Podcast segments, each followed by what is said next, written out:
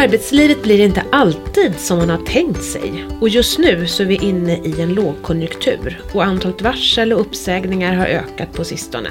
Hur kommer man vidare i karriären om man blir uppsagd under den senare delen av yrkeslivet? Ja, det ska vi prata om idag med Johan Lagerhäll, VD på Trygghetsrådet. Välkommen Johan! Tack så mycket! Kul att du kunde komma hit. Det här ska bli spännande. Och i studion sitter också min pensions, pensionsekonom, Dan Adolfsson Björk. Hej. Det stämmer. Ja. Hej. Hej. Och eh, kul att du också kunde komma ja. hit faktiskt. Ja, Eller hur? Du kom lite sent in till jobbet idag. Ja, så var det. Ja, mm. kul att se dig. Och sen så kommer ni höra mig också, Maria Eklund. Men Johan, du kan väl berätta, vad är Trygghetsrådet? Och när kan ni hjälpa mig? Mm. Vi pratade ju om det lite inledningsvis innan vi satte igång den här poddinspelningen och eh, vi är nog, kan man konstatera, nummer ett relativt okända. TRR, eh, Trygghetsrådet, vi är ju en, i grunden då om man tittar på det, vad är vi för, för typ av juridisk figur? Vi är en kollektivavtalsstiftelse och vi arbetar då i vardagen benämner vi oss som omställningsorganisation och vi jobbar ju på uppdrag av Svensk Näringsliv och PTK. Och normalt sett så kommer vi in i företag i situationer där det råder någon form av behov av att ställa om verksamheten. I klartext att man kanske behöver då säga upp personal helt enkelt. Och historiskt så, så har vi jobbat i den ordningen, ja, det är närmare 50 år nu faktiskt, vi firar 50 år i år. Så att man kan säga att under 48 års tid så har vi jobbat tillsammans med de anslutna företagen. De är ungefär 31 000 till antal talet Och eh, på de 31 000 företagen så jobbar det i storleksordningen 1,1 miljoner privatanställda tjänstemän. Och där finns vi ju och hjälper till i olika situationer där det uppstår en omställningssituation. Så att som svar på din fråga som, som individ då, om du är anställd i något av de här företagen, du är privatanställd tjänsteman och du hamnar i den situationen att ditt jobb är, är du blir uppsagd helt enkelt. Då möter du oss och eh, där ligger ju vår kärna sen ja, 50 år tillbaka då att jobba med de delarna. Om jag då är privatanställd tjänsteman och sen så sitter jag här och tycker att Nej, men jag är ganska trött på mitt jobb, jag vill ha lite hjälp att komma vidare. Kan jag vända mig till er då? Ja, sen ett och ett halvt år tillbaka så kan du faktiskt göra det. Vi har ett, ett utökat uppdrag mm. eh, sen eh, i oktober 2022 och i klartext så innebär det att Tillhör du vårt kollektiv, är en av de här 1,1 privat, miljonerna privatanställda tjänstemän så kan du eh, ta stöd av oss eh, om du vill komma vidare på det ena eller andra sättet i ditt yrkesliv. Och det här bottnar ju i den, den, det nya huvudavtal som våra uppdragsgivare tecknade då i juni 2022. Och sen är det kompletterat så naturligtvis också med viss förändring i lagstiftning och sådana saker. Så att den möjligheten finns. Så att vi, vi möter ju potentiellt, det är samma målgrupp i meningen meningen att det fortfarande är privatanställda tjänstemän men du är inte i den situationen att du har hamnat i att du är under uppsägning utan du har möjligheten att själv reflektera över vad behöver jag göra för att förmodligen stärka min ställning på arbetsmarknaden. Och då möter du oss, du resonerar med oss, du får vägledning av oss. Och vi eh, gör i, i slutändan då en bedömning kring de här tankarna jag som individ har. Är det vettigt och riktigt? Kommer det att stärka min ställning på arbetsmarknaden? Och då lämnar vi i nästa steg ett utlåtande till CSN. Jag tror att de flesta har nog hört talas om det här offentliga omställningsstudiestödet som CSN hanterar. Och det är ju en del i, i hela den här lösningen. Men vår roll är alltså att vara en dialogpartner, en sparringpartner för individen, att vägleda individen utifrån mina tankar som individ, hur jag borde stärka min ställning på arbetsmarknaden. Den, det resonemanget för man med oss. Och, och då om jag förstått rätt så finns det tre typer av möjligheter då. Att studera, att söka ett nytt jobb eller att starta eget. Och när du befinner dig i, i den här omställningssituationen, det vill säga du har förlorat jobbet, ja. så är det mycket riktigt på det sättet. Ja. Du, du har, under den tid som du befinner dig hos oss så, så har du egentligen tre alternativa vägar att, att ta dig vidare. Det handlar ju såklart om antingen så ett nytt jobb, eller att du väljer att gå in i längre studier, eller för den delen att du startar någonting eget helt enkelt. Mm. Och vad, vad väljer man mest? De allra flesta, för det första så, så av 100 personer som kommer in till oss så, så är det 95 procent som landar i någon form av den här positiva lösningen som vi pratar om. Och positiv lösning är då antingen nytt jobb eller längre studier eller att du går till att starta eget. Så av de 95 som hamnar i positiv lösning så i storleksordningen kan vi säga ungefär i runda tal så är det att 75 av dem eh, går till nytt jobb så det är den absoluta mm. majoriteten, mm. 75-80 ungefär. Och sen har vi ungefär mellan 5 och 10 procent som, som väljer att inleda förbereda längre studier och ungefär en 5 som, som kliver över då till ett eget företagande helt mm. enkelt. Men, men, hur gör ni liksom bedömningen om, man, om jag kommer då till er? Hur, hur, hur vet man liksom att den här behöver bredda kompetensen? Eller, vad, vad går ni på? Ja, vi, får, vi får hålla isär, jag tror vi får hålla isär lite grann resonemangsmässigt de mm. två delarna. Dels om jag hamnar i en situation där, där jag helt enkelt blir uppsagd. Mm. Då sker ju det i en ordning där arbetsgivaren när allting det här är klart så att säga, jag ska bli uppsagd, gör en anmälan och jag som individ också anmäler mig till TRR. Och det som händer i det läget är att jag tilldelas en, en personlig rådgivare. Vi har otroligt duktiga rådgivare som egentligen, jag brukar i vardagen beskriva det som din sparringpartner för att hitta tillbaks ut på arbetsmarknaden. Så att det, det handlar om eh, stöttning, rådgivning, det handlar om att också kanske i ett startskede landa i det jobbiga det innebär att förlora jobbet på något sätt. Så att i, i alla de här faserna som handlar om att, att landa, att skaffa sig insikter om vad jag befinner mig i för situation, att titta lite grann på vad finns det för möjligheter och utsikter framåt, landa i okej, okay, vad är mina avsikter då helt enkelt. Mm. Och då är vi tillbaka i det här, ja, de allra flesta landar ju i jag vill söka ett nytt jobb, jag vill återinträda på det sättet på arbetsmarknaden. Men det finns också de såklart som, som eh, där man på individuell basis kommer fram till att nej men jag vill nog antingen bredda mig till någonting annat, eh, göra någonting helt annat eller jag behöver bygga på min kompetens för att vara relevant framåt och då väljer man att gå i det här längre studiespåret helt enkelt. Mm. Och så finns det eh, såklart också ett antal som kanske har en orealiserad idé som man har gått och burit på ganska länge och funderat över att det här, när, när det ändå inträffar nu på något sätt att jag blir arbetslös så varför inte pröva tankarna kring att realisera min egen affärsidé och köra igång någonting eget. Och även där då så, så har vi rådgivare specialiserade i den inriktningen som, som kan stötta och sparra mig längs den resan helt enkelt. Det är mycket uppsägningar på gång nu. Det pratade du ju lite grann om innan vi startade här inspelningen. Men eh, vilka branscher och sektorer är det du ser att det är? Händer mest just nu? Vi har ju egentligen sett ett, ett försämrat läge kan man säga med början våren 2023 ungefär. Det är någonstans där som vi ändå ser att kurvorna pekar uppåt. Och de områden som, som eh, det har varit tyngst för sen, sen det påbörjades det är ju framförallt bygg och anläggningsområdet och det är handel och försäljning där vi märker de största inflödena av människor som har blivit uppsagda. Är det likt 90-talskrisen? Jag tycker det låter så. Ja, nu var inte jag riktigt med på 90-talet i den här kontexten. Nej, så att, men men, men det, är inte, det är inte ovanligt att, att handel och försäljning eh, hamnar ganska tidigt i, i ett sånt här skede. Och bygg för den delen ja. också. Så att eh, de som har varit med längre än jag skulle väl säga att det här det följer ganska likt ett sånt schema på något mm. sätt. Jag var kund hos er på ja, 90-talet. Ja. Kom från byggbranschen. Ja, just det. Ja. Och du fick ett nytt bra jobb också Maria. Det löste sig. Det löste sig, jag pluggade. Ja. Jag bytte bana. Mm. Det där är intressant tänker jag, därför att det, det, är en av på individuell basis insikterna som, som många ändå lämnar oss med. När man har hittat en ny positiv lösning så är det, det är ganska många som ändå betraktar det som har hänt som från början var någonting väldigt jobbigt. Eh, och så när man landar i sin nya lösning som ser annorlunda ut så är det väldigt många som faktiskt verbalt uttrycker att det, det här var en ganska bra sak som hände för det gav mig en chans att lite grann omvärdera och rumpan, fundera liksom. på mm. vad vill jag göra framåt helt mm. enkelt. Mm. Ja, men jag håller med. Det är inte bara en nackdel att behöva tänka efter ibland. Men det här med att, att byta jobb och sådär, det är ju en sak. Och sen så vet vi det att Sverige är ett avlångt land. Uppe i norr finns det jobb. Eh, här i Stockholm kanske det då... Alltså är man beredd att flytta? För att få de där jobben?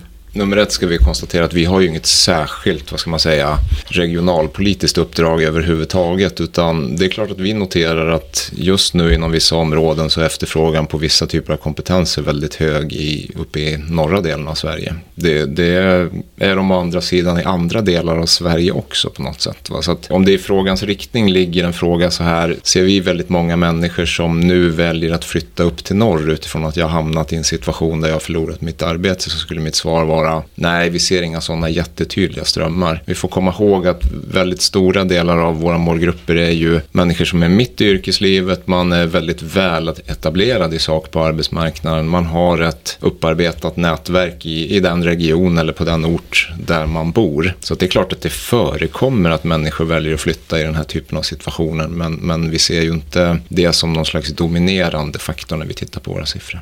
Mm. Men den här matchningsproblematiken då som man kan höra om i nyheter och läsa om att man efterfrågar en viss kompetens men man har svårt att, att finna den. Hjälper ni företagen och arbetsgivarna? Hör de av sig till er och ber om hjälp och hittar rätt kompetenser också? Eller hur funkar det? Nummer ett så har vi ju en, en kostnadsfri matchningstjänst. Vi, vi jobbar ju fullständigt icke vinstbaserat som ni förstår, utan vi finns ju där utifrån att skapa så bra lösningar som möjligt för de individer som, som antingen behöver ett nytt jobb eller som vill utvecklas sin kompetens för att vara stärkta på arbetsmarknaden. Så att ja, det, å ena sidan är svaret ja, att det finns ju så att säga ett, en matchningsmöjlighet där, där våra omställningskunder naturligtvis finns till förfogande att möta företag som är intresserade av att rekrytera. Och det innebär ju bland annat då att vi har med, med frekvens ute på våra kontor olika typer av aktiviteter av till exempel speed dating karaktär eller att man får möta, företag får möta eh, individer och personer såklart. Så att det förekommer. Sen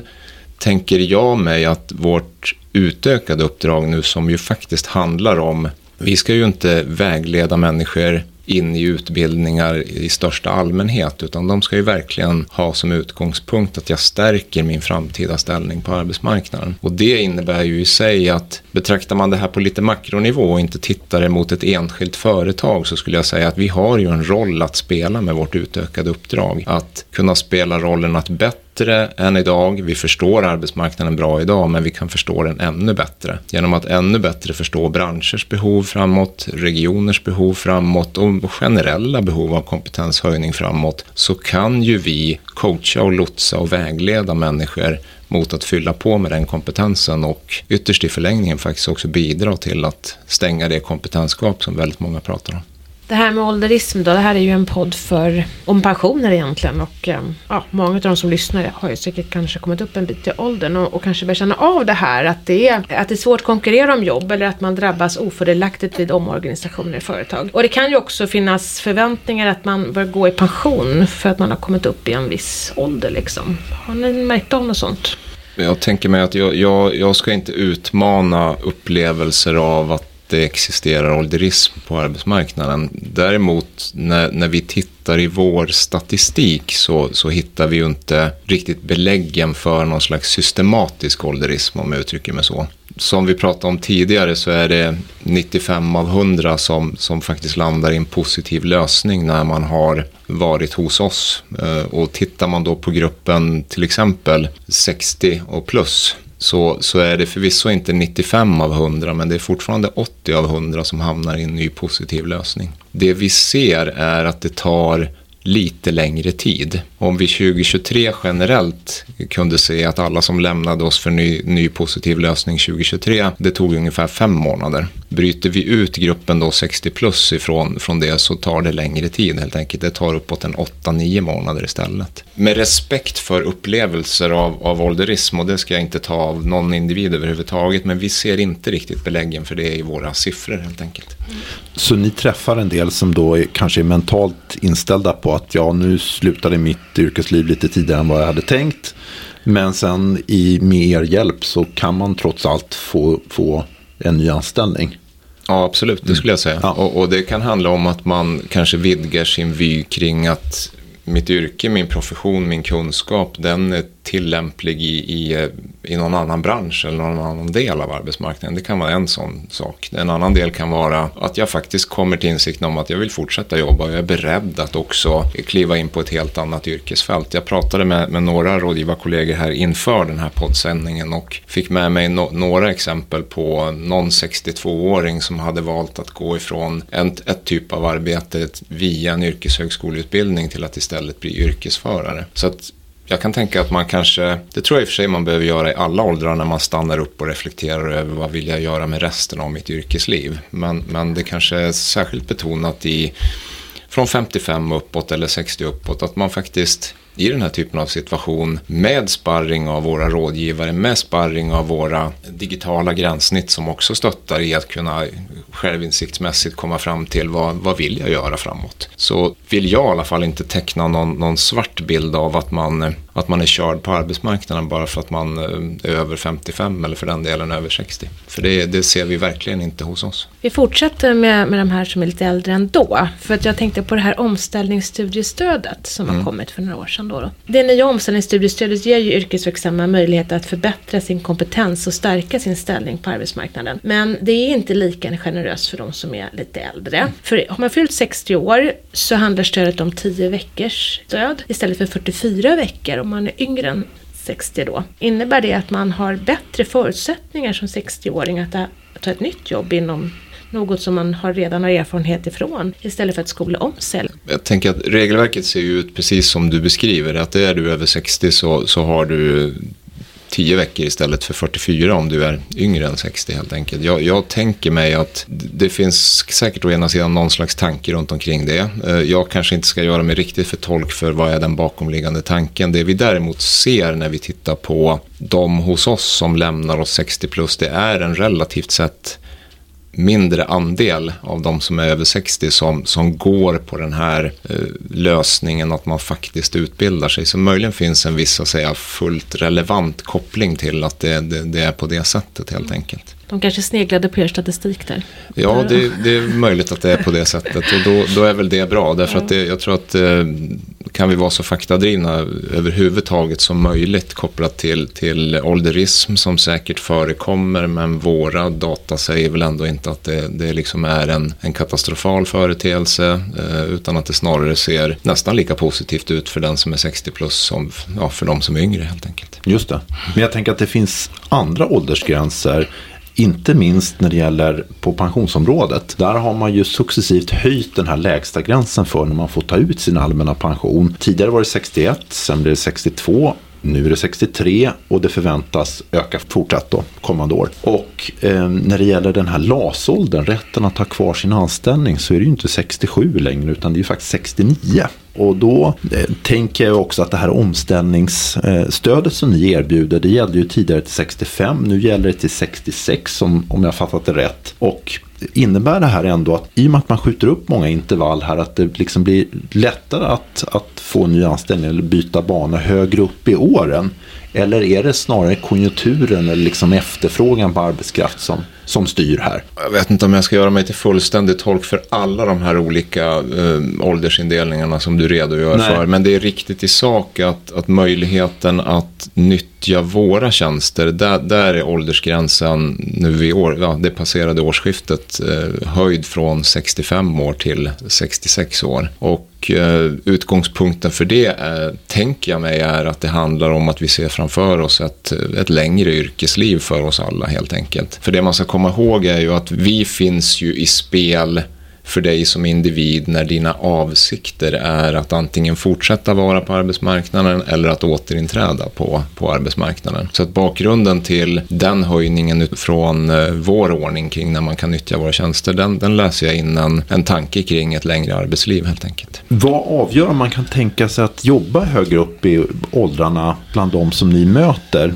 Är det förbättrad ekonomi framför allt eller är det arbetsmiljön som fäller avgörandet eller att man får liksom ett jobb som, som passar de egna förutsättningarna? Jag tror i grunden att det såklart är väldigt eh, individuella utgångspunkter. Jag tror att alla de här parametrarna som du nämner har, har relevans fast i olika hög grad för, för olika individer. Jag tycker mig ändå om man tittar med lite systematik på det att det, det, är hyggligt många som, som uttrycker att man när man kommer upp i den här åldern vill ha en viss flexibilitet inom ramen för hur mycket jag kanske jobbar hos min existerande arbetsgivare eller för den delen att jag kanske ändå vill prova någonting nytt på något sätt. Va? Så att eh, det är säkert så att, att ekonomi och andra saker också har betydelse men, men jag tror framförallt att den här viljan att, att kunna ha lite mer flexibla, eh, om man säger så, sista år på arbetsmarknaden har betydelse. Det säger väl ändå våra observationer. Mm, våra också.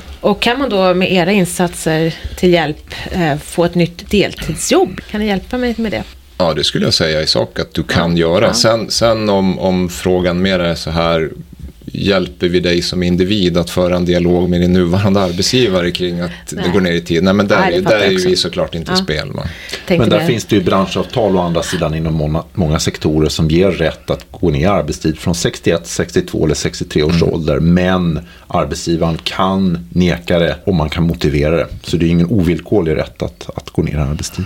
Mm. Men man kan väl egentligen återvända till, till det här konstaterandet att så länge jag har en ambition att i någon utsträckning stanna kvar på arbetsmarknaden. Då är vi relevant som din samtalspartner eh, kopplat till det. Egentligen oavsett eh, ja, vilket sätt du tänker dig att stanna kvar på arbetsmarknaden. Men har du däremot gjort valet att till exempel påbörja fullt uttag av din tjänstepension, då, då faller vi ur spel på något sätt. Va? Därför att då är din, då är din avsikt att, att lämna arbetsmarknaden och då, då är inte vi en partner för, för vidare resonemang för dig som individ helt enkelt. Nej, det där måste vi prata ja, mer om. Ska vi ta det nu? Mm. Ja. Vissa stöd är man inte berättigad till om man samtidigt tar ut eh, pension. Eh, vad finns det för begränsningar om jag till exempel får en avgångspension från, från min gamla arbetsgivare eller om jag får sån här avgångsersättning eller AGE som det heter det.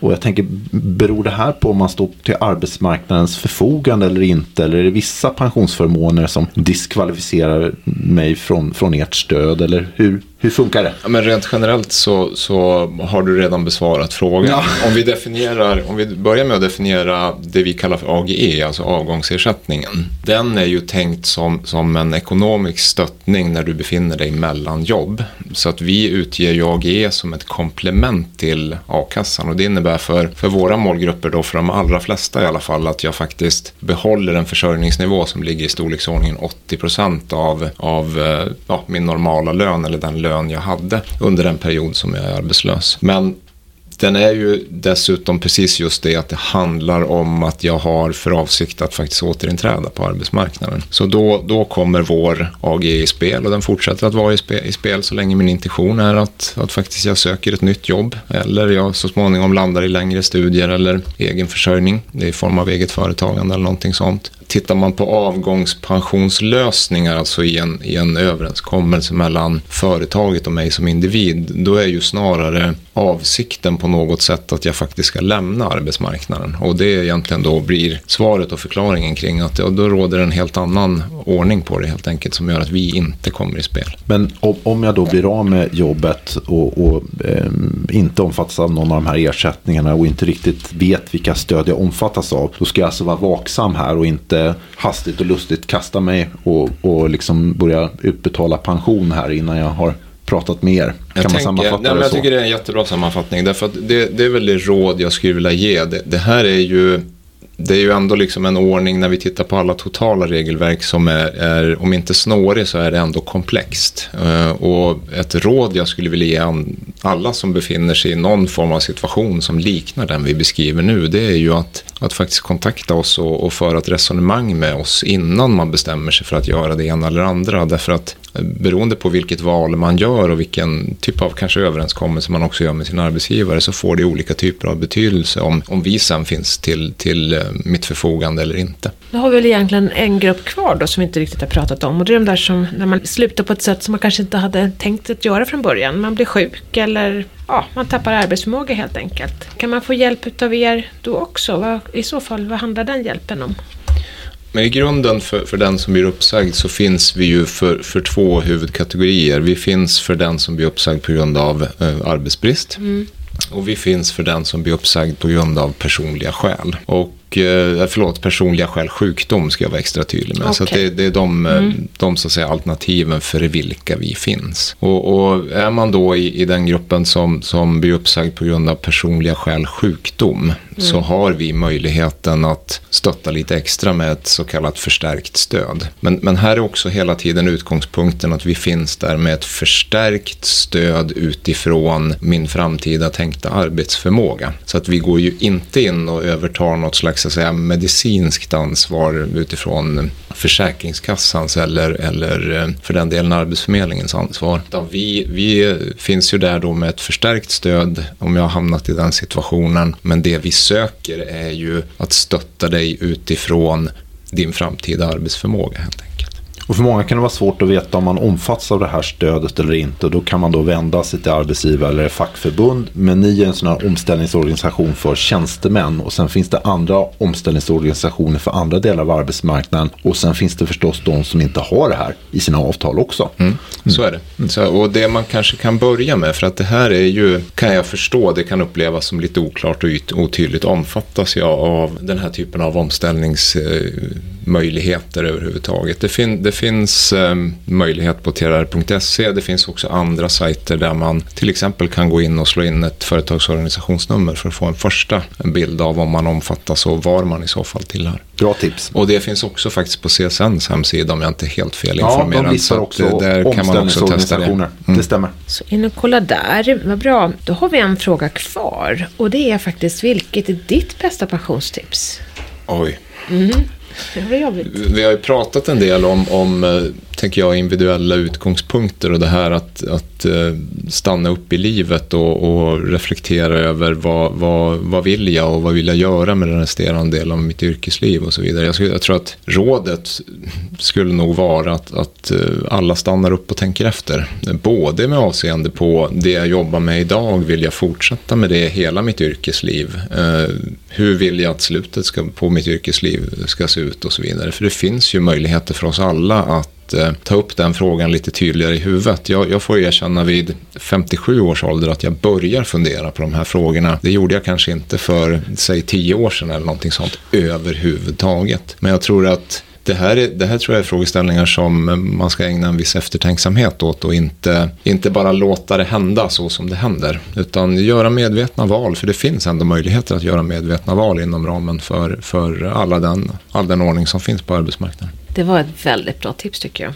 Faktiskt. Helt klart. Ja, stanna mm. till och tänka efter före. Sen är det för sent. Stort tack för att du kom. Tack så mycket. Vi känner oss mycket klokare nu. Nu kan vi mer om omställningsstöd. Kul att få vara här. Ja, mm. Tack. tack.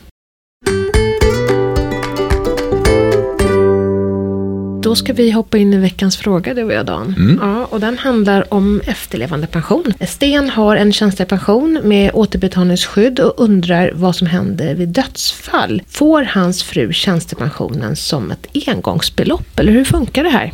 Nej, det är periodisk utbetalning som gäller i de allra flesta fall. Det är alltså inte som de här livförsäkringarna som kan utfalla som stora engångsbelopp. Och här är lite skillnad när dödsfallet sker, om det sker innan dess att pensionsutbetalningen har påbörjats eller efter. Sker det innan, när man fortfarande tjänar in till sin pension, då utbetalas pensionen till efterlevande ofta under fem år, alltså 60 månader. Men om man har en pågående utbetalning så övertar då förmånstagarna resterande utbetalningsperiod. Så att eh, har man fått en pensionsutbetalning under två år och man har valt en utbetalningstid på 15 år, då får förmånstagaren alltså 13 år resterande tid helt enkelt. Så funkar det. Så funkar det. Mm. Så månadsbeloppet 13 Ja, och här, här gör man klokt i att kolla upp villkoren för det som man omfattas av. För det finns vissa avvikelser. Mm, det mm. gör det.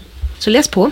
Det var allt för oss idag. Tack för att du har lyssnat. I avsnittet har du hört Johan Lagerhäll, VD på Trygghetsrådet, Dan Adolfsson Björk och mig, Maria Eklund från Min Pension. Och Min Pensionspodden produceras av Min Pension som en oberoende tjänst i samarbete mellan staten och pensionsbolagen där du kan få bättre koll på dina pensioner. Och fler avsnitt det hittar du i kanaler där poddar finns. Sök på Min Pensionspodden i din kanal så dyker vi upp till exempel Spotify eller iTunes.